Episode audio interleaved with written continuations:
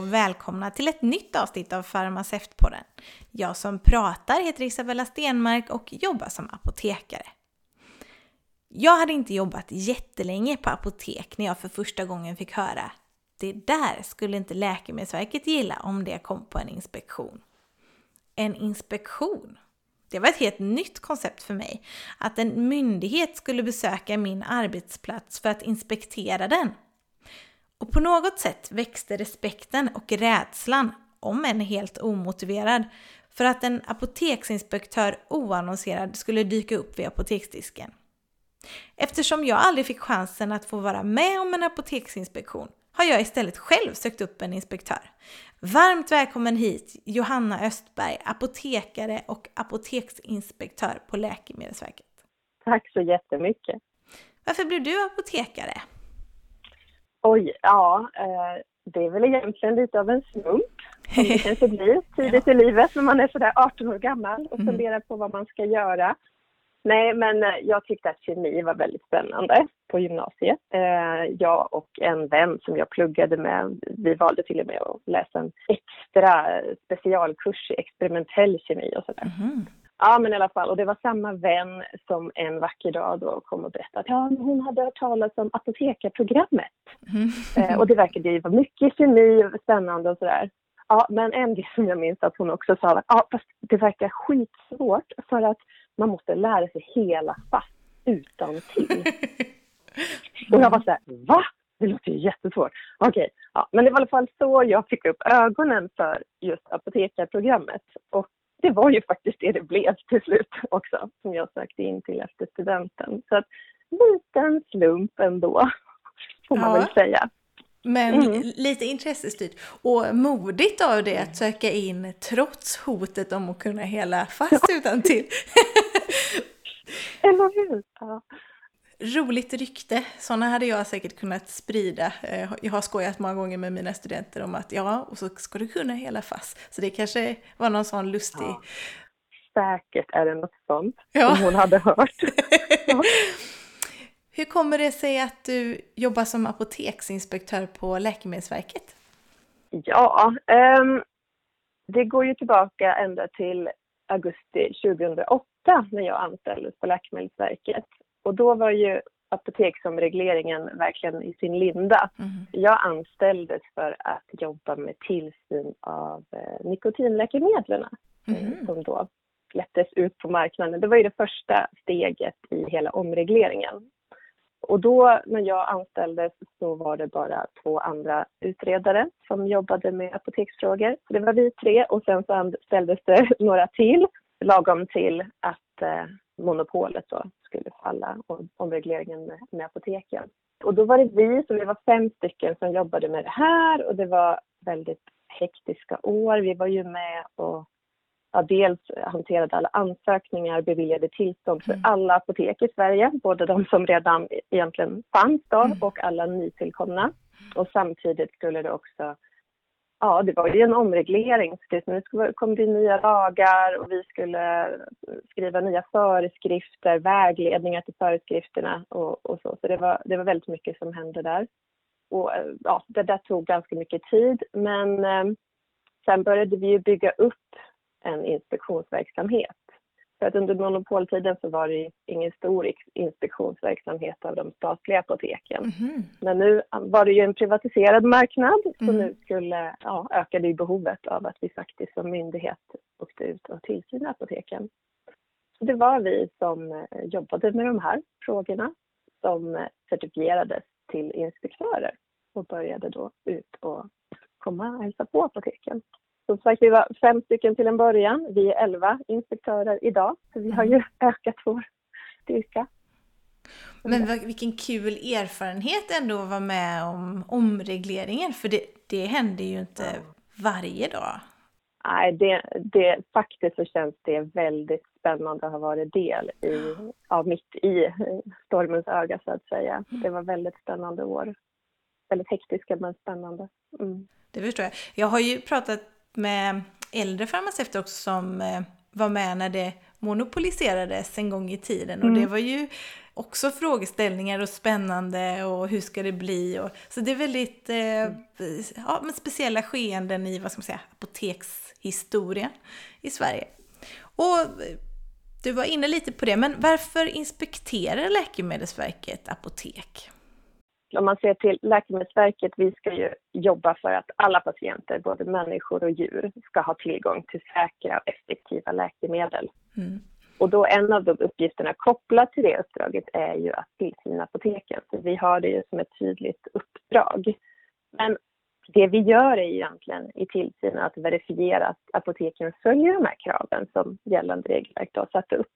Just för att det ska vara säkra och effektiva läkemedel som når ända ut till patienterna. Jag brukar tycka om, och när jag pratar om det här, säga att apoteken, det är ju väldigt lång liksom, läkemedelsdistributionskedja från mm. tillverkning till det når patient.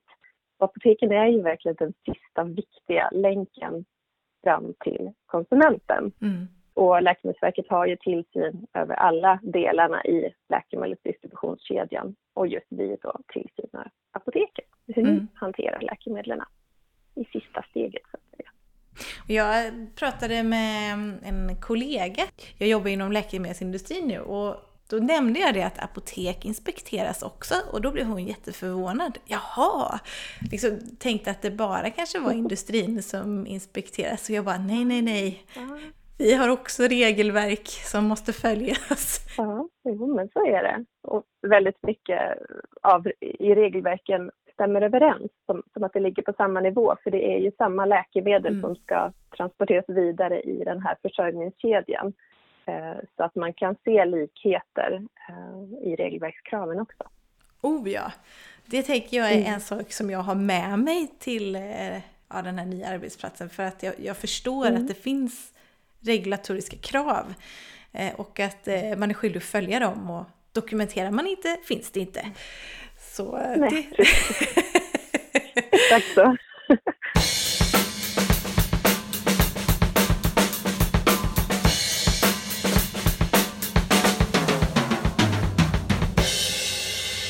Om jag hade varit inspektör, då hade mitt mindset varit att eh, leta efter fel om jag var ute på ett apotek och inspekterade. Men hur går en inspektion till och hur gör ni? Vad tittar du på först då? Har ni en checklista? Ja, berätta, hur gör ni? Mm.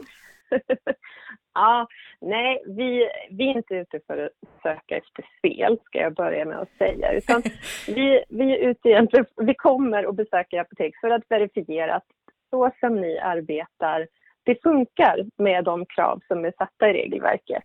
Mm. För det finns ju så många olika sätt att jobba på.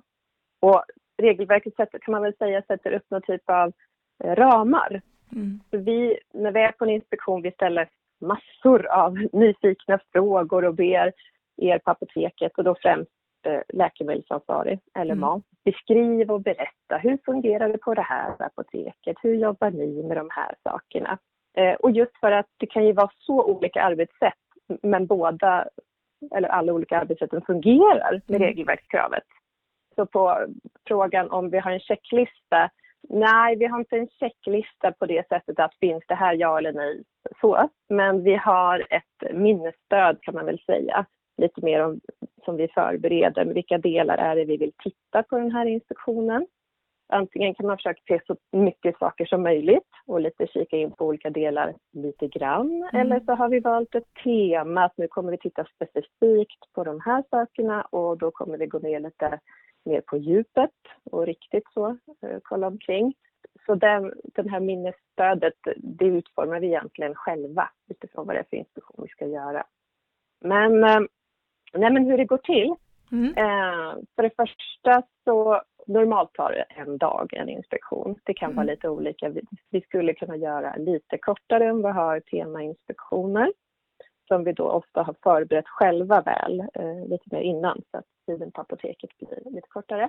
Eller så är det eh, en väldigt stor verksamhet. Vi kan tänka oss eh, dosapotek eller mm. stora distanshandelsapotek.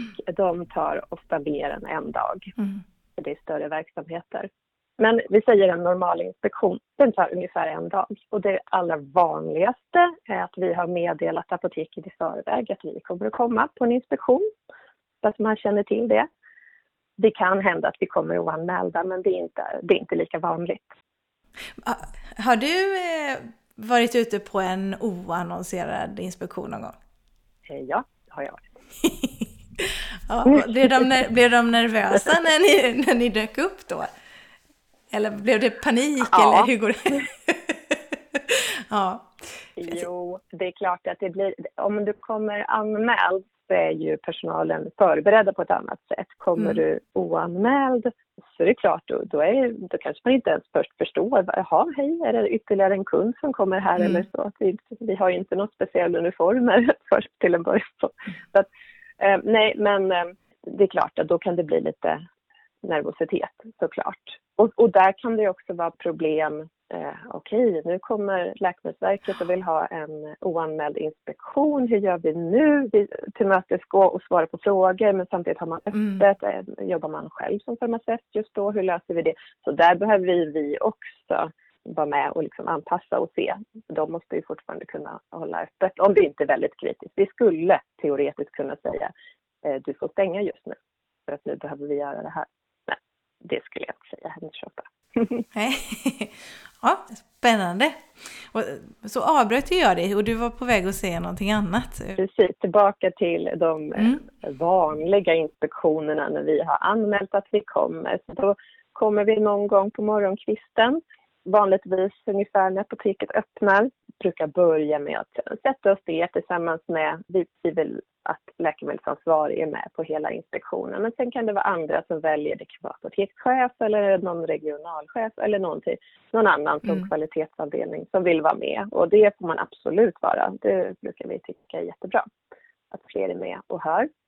Men i alla fall att vi sätter oss ner, vi presenterar oss, eh, låter apoteket presentera sig och verksamheten. Vad är det här för typ av apotek? Vad, vad gör vi här? Och så.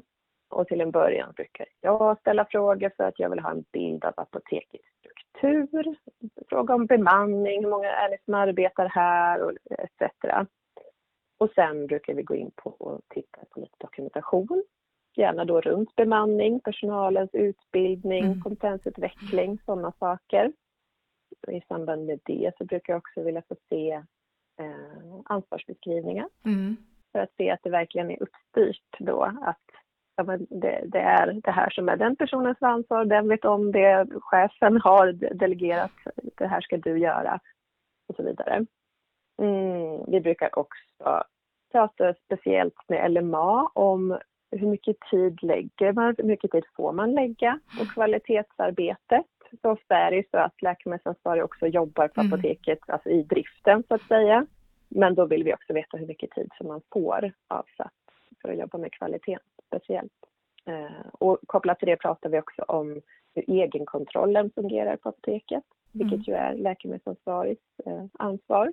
Vi frågar lite om hur man har byggt upp strukturen med instruktioner eller rutiner, hur man styr verksamheten, hur man ser till att personalen tar del av rutinerna och hur personalen faktiskt, om de arbetar efter rutinerna. Och där brukar vi halka in på egeninspektionen, mm. som ju också är läkemedelsansvarigt ansvar. Lite hur den genomförs, hur man dokumenterar den. På vilket djup går man när man gör sin egen inspektion? Så till exempel tillbaka till det här med personalen, då har man tagit del av rutiner. Mm. Frågar man personalen så att man ser till att de jobbar man efter rutiner eller har man någon gång läst dem och sen sitter de i en term, mm. kanske de inte gör längre, mer digitalt. Men, mm. men på vilket sätt lever det här i verksamheten? Så.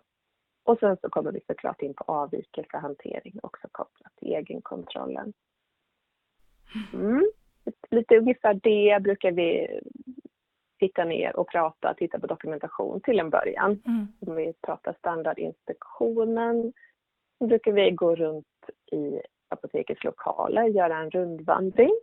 Och rent av pedagogiska skäl så brukar vi eh, följa läkemedlets flöde genom verksamheten. Så att vi, vi börjar där inleverans, när mm. läkemedlet kommer till apoteket. Och, och vid varje liksom, steg i den här processen så frågar vi då, eh, beskriv, hur, hur jobbar ni med det här, hur går det till?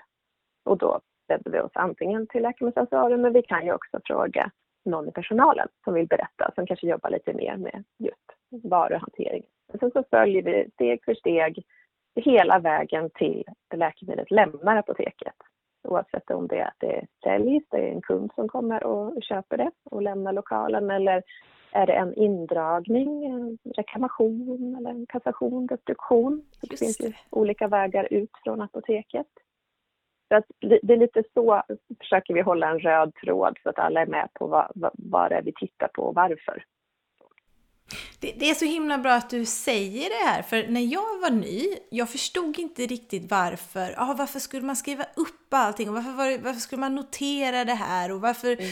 var det så viktigt? Men sen jobbade jag ju som läkemedelsansvarig, LMA, och då förstår man ju det på ett annat sätt. Men just att förmedla det här mm. till de andra. Att du måste sätta in det här pappret i, i permen. För, för det är ingen som kommer mm. ihåg att du har gjort detta om, om det inte finns. Och precis som reklamationer och alla de här indragningarna. Att det är så viktigt att man mm. noterar det.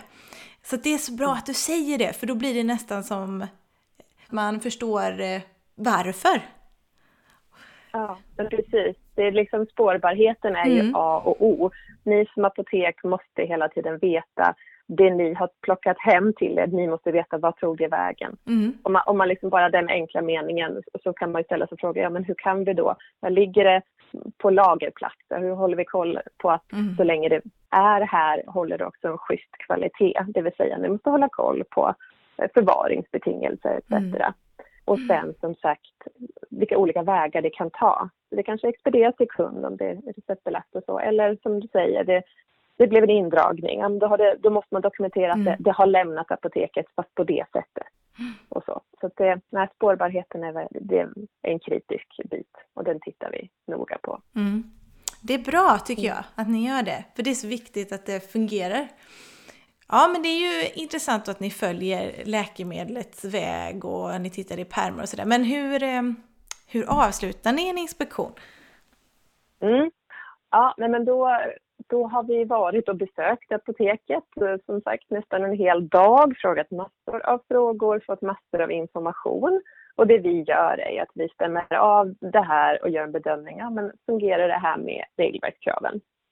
Och eh, i slutet på inspektionen så sätter sig, är man själv inspektör sätter man sig själv och är man ett inspektörspar så sätter man sig tillsammans för att gå igenom det vi har noterat mm. under inspektionen eh, för att kunna berätta på ett avslutande möte innan vi lämnar apoteket så ska apoteket och, och läkemedelsansvarig ta del av vad är det vi har sett, de här saker som avviker från regelverket. Vad har vi noterat?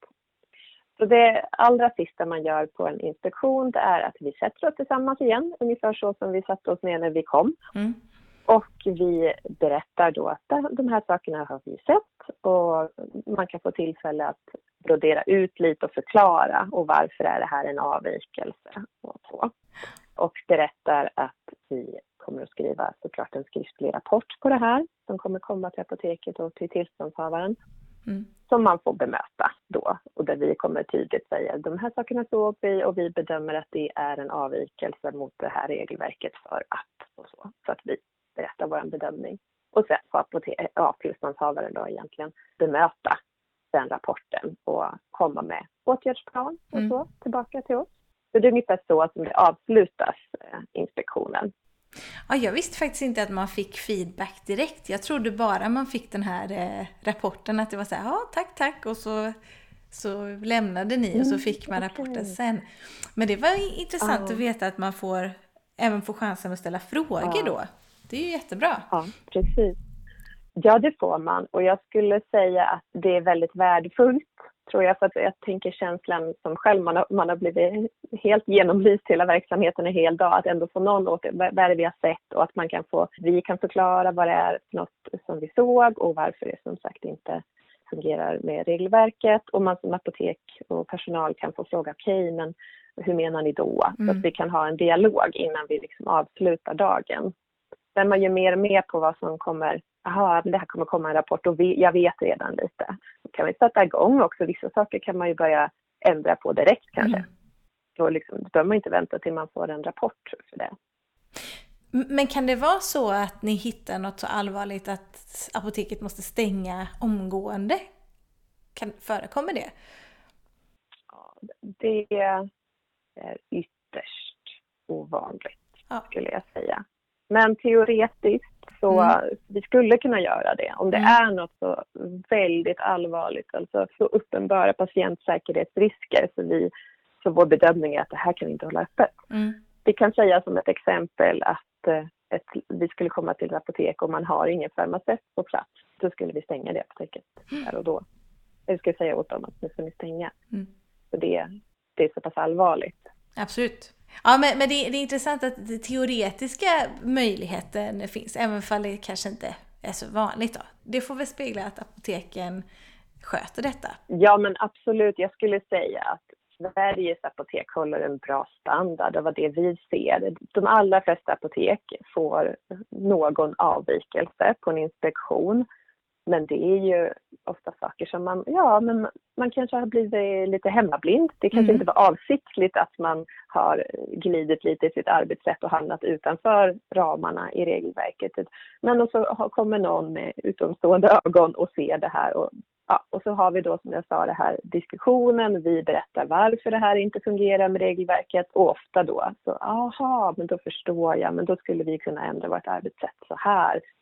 Ofta kan det vara så det går till. Jag skulle säga att apoteken gör ett jättebra jobb. Det är ju roligt att höra. Och jag vet ett ja. exempel på en sån grej som vi fick till oss, eller, kanske, eller om jag fick höra det från någon, för det blir ofta så att har det varit en inspektion så delar mm. man ju den informationen med mm. andra apotek, vilket är jättebra. Och då eh, när man dokumenterar PC-spädningar eller att man har spätt antibiotika till barn oftast så mm. ska man ju mm. skriva datum och det ska vara en sån här etikettring och så milliliter vatten och så signum. Och då vet jag att om man hade spätt samma dag så satte man bara ska man säga, så här, likhetstecken på datumet raden under. Och då fick vi höra att mm. nej men så får man inte göra. Det ska vara, man ska skriva datumet. Och, och det kan ju vara en, mm. en bekvämlighets grej som man kanske, alltså, mm. som du var inne på, att man har mm. glidit lite. Och som är lätt, lätt att uh, åtgärda egentligen. Precis. Ja, absolut. Och där är ju lite som du, precis det du är inne på, att tillbaka till syftet. Mm. Alltså regelverket, alltså, alla de kraven som finns, det finns ju ett syfte med dem. Det är ju inte bara för att någon har bestämt att vi ska, så här ska det vara. Utan hela tiden koppla tillbaka, åtminstone brukar jag gärna göra det på inspektioner och när vi pratar om avvikelser så vi upptäckt, ja men varför fungerar inte det här och vad är syftet med regeln och mm. vad är det man försöker uppnå och varför fungerar inte just det här arbetssättet i så fall för att uppnå syftet? För det blir lite mer tydligt upplever jag. Man kanske också till och med kan känna lite mer motivation att ja, men då vill jag ju såklart ändra på det här mm. arbetssättet för att uppnå det här att vi har ju våran uppgift som tillsynande myndighet, liksom patientsäkerheten och, och så. Men det har ju även alla apoteken. Ni har ju det samhällsviktiga uppdraget. Eh, så vi jobbar ju mot samma mål, så att säga. Vi vill ju samma sak, att mm. det ska vara de läkemedel som kommer till konsumenter, patienter, de ska vara säkra. Det är ju det vi alla vill. Ja, det finns ju inget viktigare än patientsäkerhet. Så, det, så är det. Nej, precis. Och som jag sa innan då, jag jobbade ju som läkemedelsansvarig och trots mina godaste intentioner att man försökte liksom vara on top of everything eller man försökte ha koll på allting så hade jag ju blivit jättenervös om vi hade fått eh, information om att eh, vi skulle, det skulle bli en inspektion. Hur upplever ni att personalen är på en sån här eh, planerad inspektion?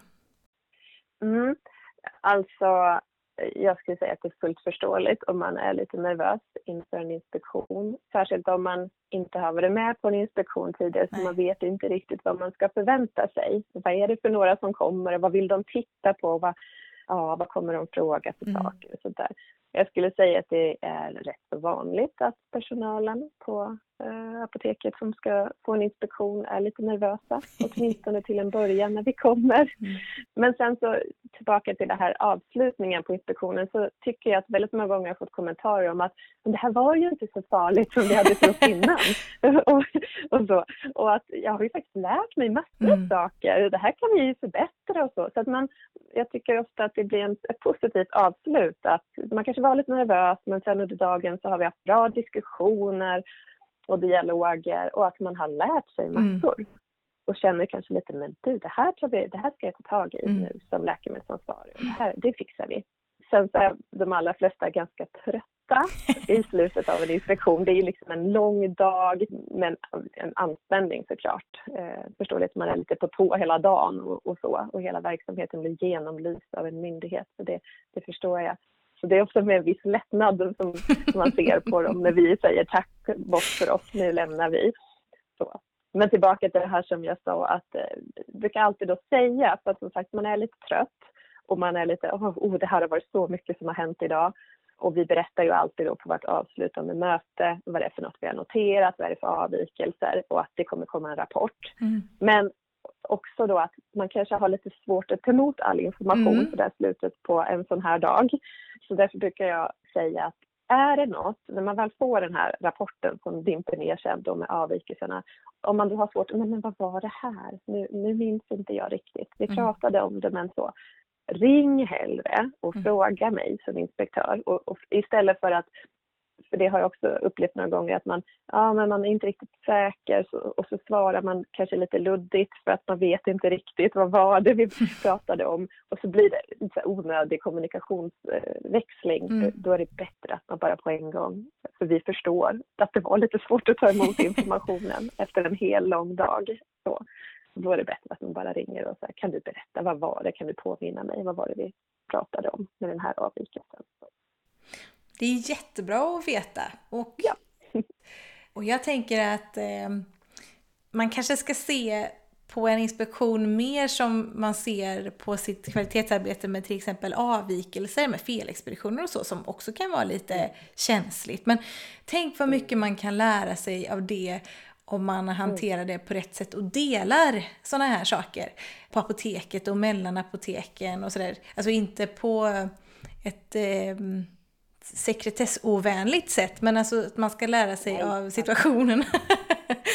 Ehm, Absolut. mm. Jag håller helt med dig att, att, att välja att se på det på det sättet Mm. istället. Absolut enig. Ja, det tänker jag ta med mig. Men eh, vilka är de vanligaste avvikelserna ni ser då på apoteken?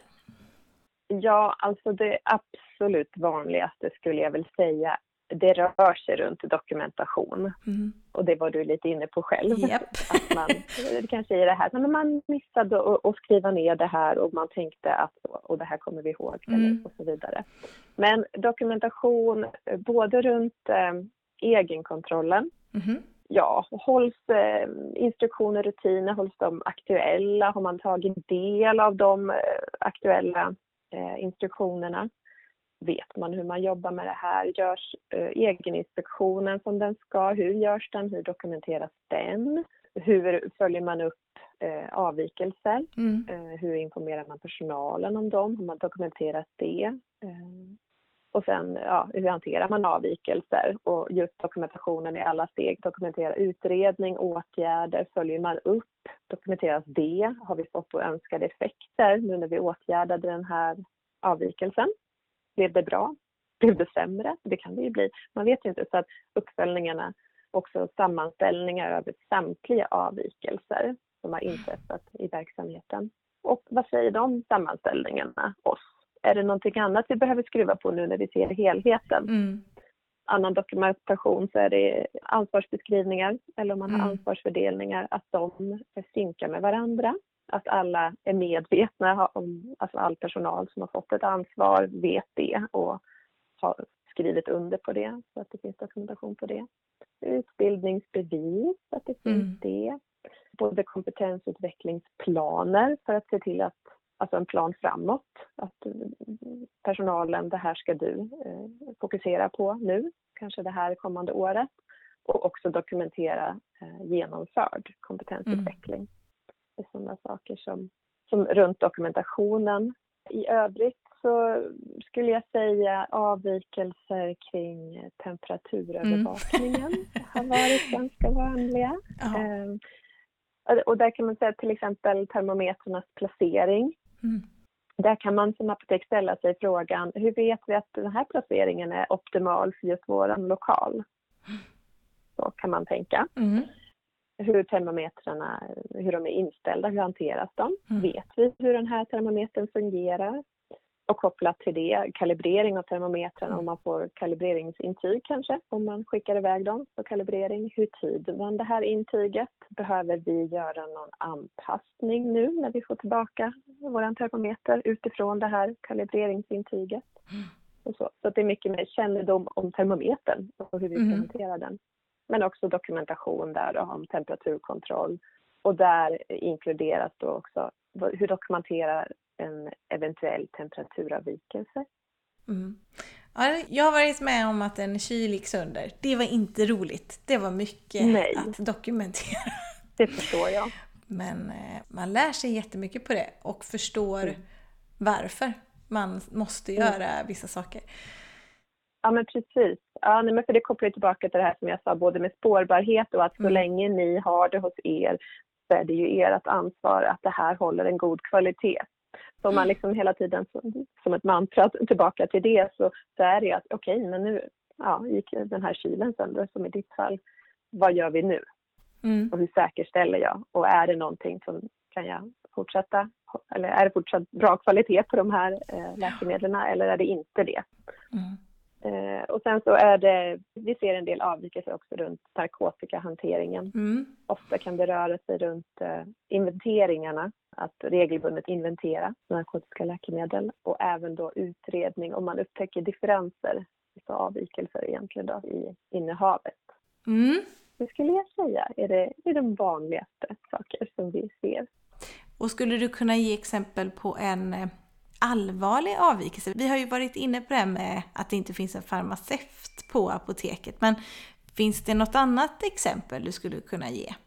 Nej, men farmaceutbemanning det är ju stor patientsäkerhetsrisk, absolut. Ehm, jag skulle säga stora brister i egenkontrollen Mm.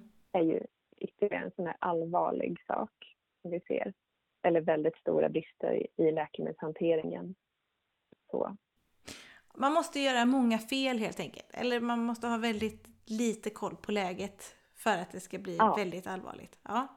Ja, men absolut. Det skulle jag säga. Precis så. För precis som jag säger, de allra flesta apotek får någon avvikelse eh, Mm. på en, vid en inspektion. Men det är ju inte det avgörande. Precis, det säger ju inte någonting. Utan det, det är ju mer, okej, men då, den här kan vi rätta till. Men det är ju Mm. om du börjar, precis som du är inne på, om det fallerar på flera delar. Om, om man inte har ett fungerande egenkontrollprogram, egenkontrollen fungerar inte, man egeninspektioner kanske inte görs överhuvudtaget eller inte görs på ett eh, tillfredsställande sätt. Avvikelser, det, det har man ingen koll på. Nej. Då är vi ju såklart ute och tassar på eh, höga patientsäkerhetsrisker. Mm. Absolut. Där vet jag att de flesta inte är. Det har jag ju förstått Nej. på det du har Precis. sagt. Vad kan det bli för eh, påföljder för ett apotek efter en inspektion? Ja, som sagt, det, vi börjar med är att vi skickar en rapport med Mm. de här avvikelserna, eh, bedömer vi att vi, eh, vi har sett då på, efter den här inspektionen. Och sen får man möjlighet att svara på rapporten. Både ställa frågor om det är eventuella oklarheter eller om det är någon missförstånd som kan ha uppstått under inspektionen. Och även kommentera bedömningarna om att det som vi har sett eh, är en avvikelse. Men också lämna information om hur man tänker åtgärda avvikelserna. Eller om man nu inte har gjort det än, i alla fall en plan och en tidsplan. Men det här, vi kommer göra så här och det kommer vara klart vid den här tidpunkten. Och i de allra flesta fall så, så är det det som händer. Vi får in en åtgärdsplan, vi kanske har någon kompletterande fråga angående åtgärden men, och får in det och sen så avslutar vi det inspektionsärendet. Men det är ju om men om ett apotek eller tillståndshavare då inte vill rätta avvikelsen eller avvikelserna, då kan Läkemedelsverket förelägga apoteket att korrigera avvikelsen. Eller förbjuda apoteket att göra något om det nu är någonting som de inte får göra, som de har gjort. Mhm. Och till de här föreläggandena eller förbuden så kan vi också då koppla på något som kallas för vite. Eh, vilket Ah. betyder att apoteket behöver betala ett belopp, alltså vite då, för varje gång kanske som apoteket fortsätter att göra det här, om vi nu har förbjudit dem att göra något. Mm. Att de här besluten kan skrivas lite olika, men som ett exempel skulle det kunna se ut så att varje gång ni gör det här så, ja, så kopplar vi på det här vitet. Eh, och sen i den längsta förlängningen så skulle ju Läkemedelsverket också kunna stänga ett apotek mm. och återkalla apoteksbeståndet om vi skulle bedöma att det finns eh, riktigt stora patientsäkerhetsrisker. Men jag tycker ändå så att det hade varit väldigt roligt att få vara med på en inspektion bara för att eh, jag tror att jag hade lärt mig väldigt mycket. Alltså dels faktamässigt mm. och sen dels hela, kring hela processen och sådär. Mm. Men eh, jag är så himla tacksam och glad att eh, du ville vara med Johanna. Det här har varit en av mina önskeintervjuer just för att jag själv har varit så himla nyfiken på ja, att få höra hur det är att vara apoteksinspektör. Så stort tack att du ville vara med! Ja, men tack själv och vad roligt att höra. Det var jätteroligt att få vara med. Absolut, och så många intressanta grejer du har sagt. tack! Jag hoppas att ni som har lyssnat har fått en större förståelse för det viktiga uppdrag som Läkemedelsverket har.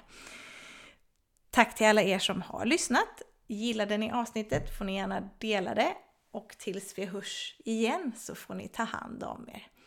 Hej då! Hej då!